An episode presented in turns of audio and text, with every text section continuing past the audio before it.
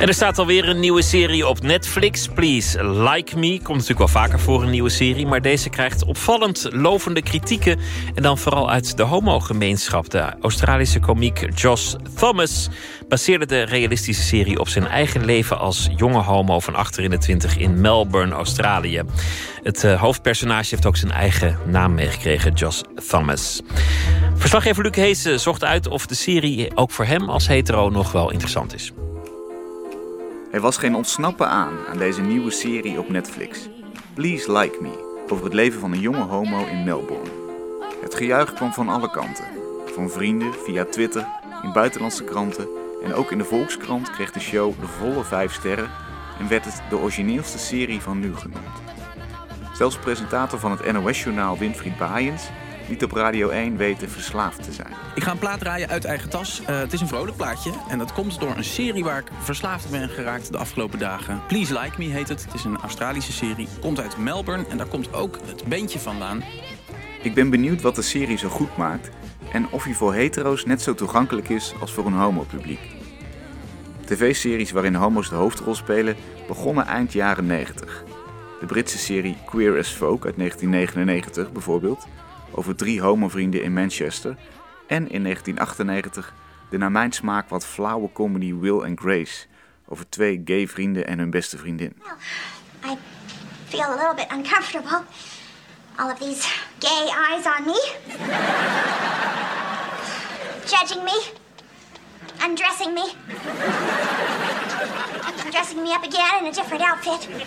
Hoewel er de afgelopen jaren op internet veel webseries over homoseksualiteit te zien waren, zijn het deze titels die voor het brede televisiepubliek en dus ook voor mij de toon hebben gezet.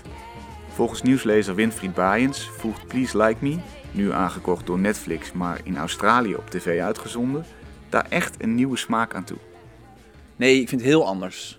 Er zit niet zo'n opgelegd homo-thema in. Het is gewoon toevallig een homo. En uh, ja, toevallig heeft hij seks met jongens. Eigenlijk heb je het niet eens zo door. En die, die andere series, Will and Grace, eh, weet je, daar zit dan, zitten dan twee gays in. En, en die vriendin daarvan. Maar dat was ook goed voor die tijd. Maar dit past heel erg bij deze tijd, denk ik. Omdat iedereen wel een behoefte heeft, althans de homo zelf in ieder geval. En gewoon dat er niet zo zwaar aan getild wordt dat je homo bent. In Please Like Me volgen we Josh Thomas, een Australische student in Melbourne, van achter in de twintig. Hij is blond, een beetje ielig en slungelig, maar zeer gevat. In de eerste aflevering maakt zijn vriendinnetje het met hem uit, omdat ze niet meer verliefd is en ja, ook omdat hij homo is. I think we should break up. Oh. Oh, that's bad. I just, I kind of feel like we've drifted, you know? This isn't good at all. Also, you're gay. What? No.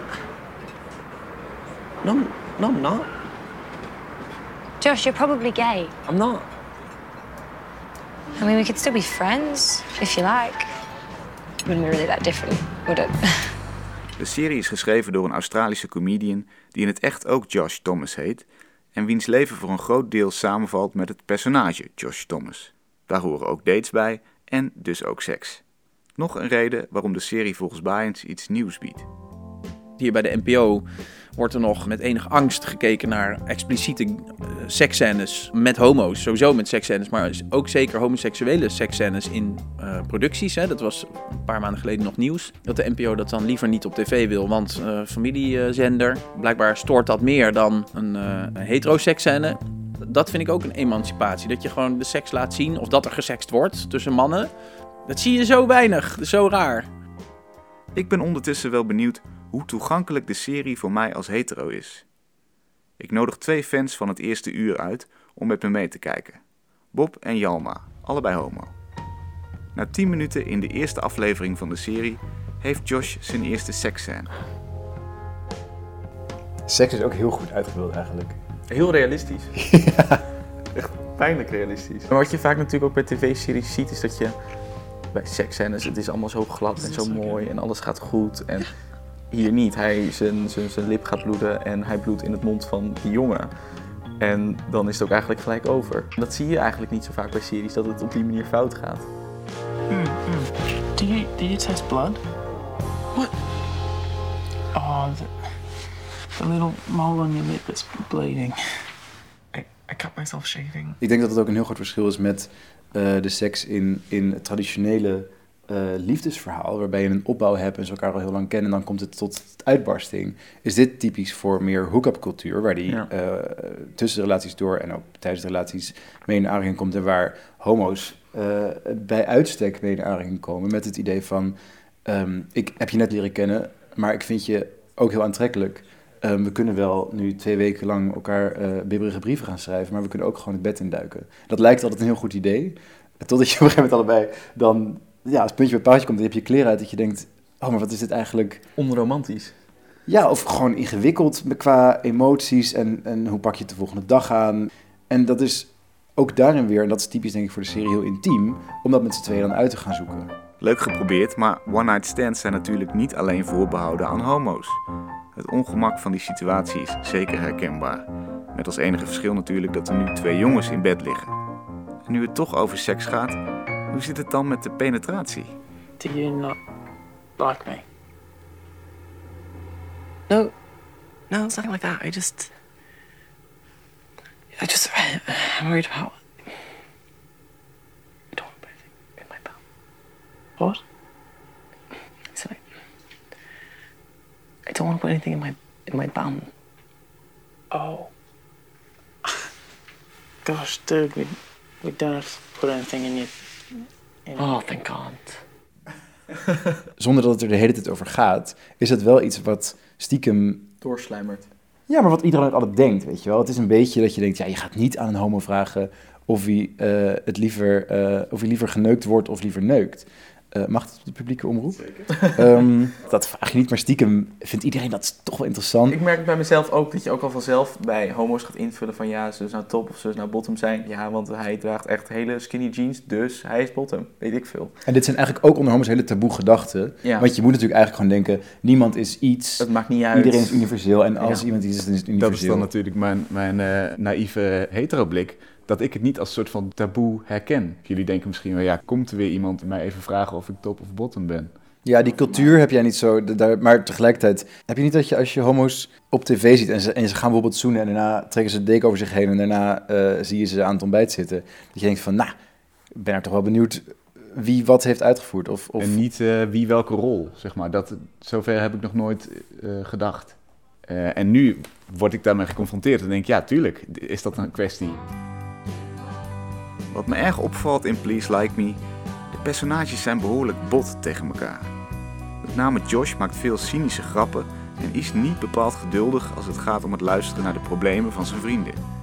Dat had ik voor lief genomen als een eigenschap van zijn karakter, maar Bob en Jalma vermoeden dat het wel eens een homo-ding kan zijn. This is about you. I'm frustrated with you, okay? Claire keeps telling me how disappointed she is with her life instead of going out and creating herself a better life. Tom keeps making the most choices, and everyone pretends that it's not his fault. It is your fault. Tom, Ella, it is Tom's fault. Everything. You probably should have left. Ik denk dat dit toch ook echt is hoe ehm, wij misschien omgaan met hele dramatische dingen.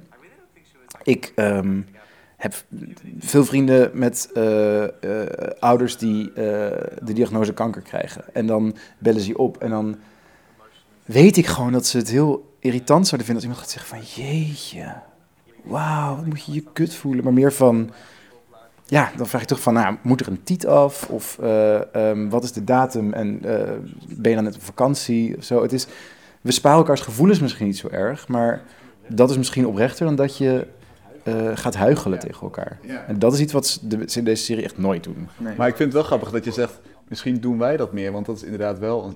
Zo praat ik niet met mijn vrienden. Ik zou dan toch eerder die kant op gaan van wat kut of... of... Is dat een soort homocultuur, kun je dat zeggen?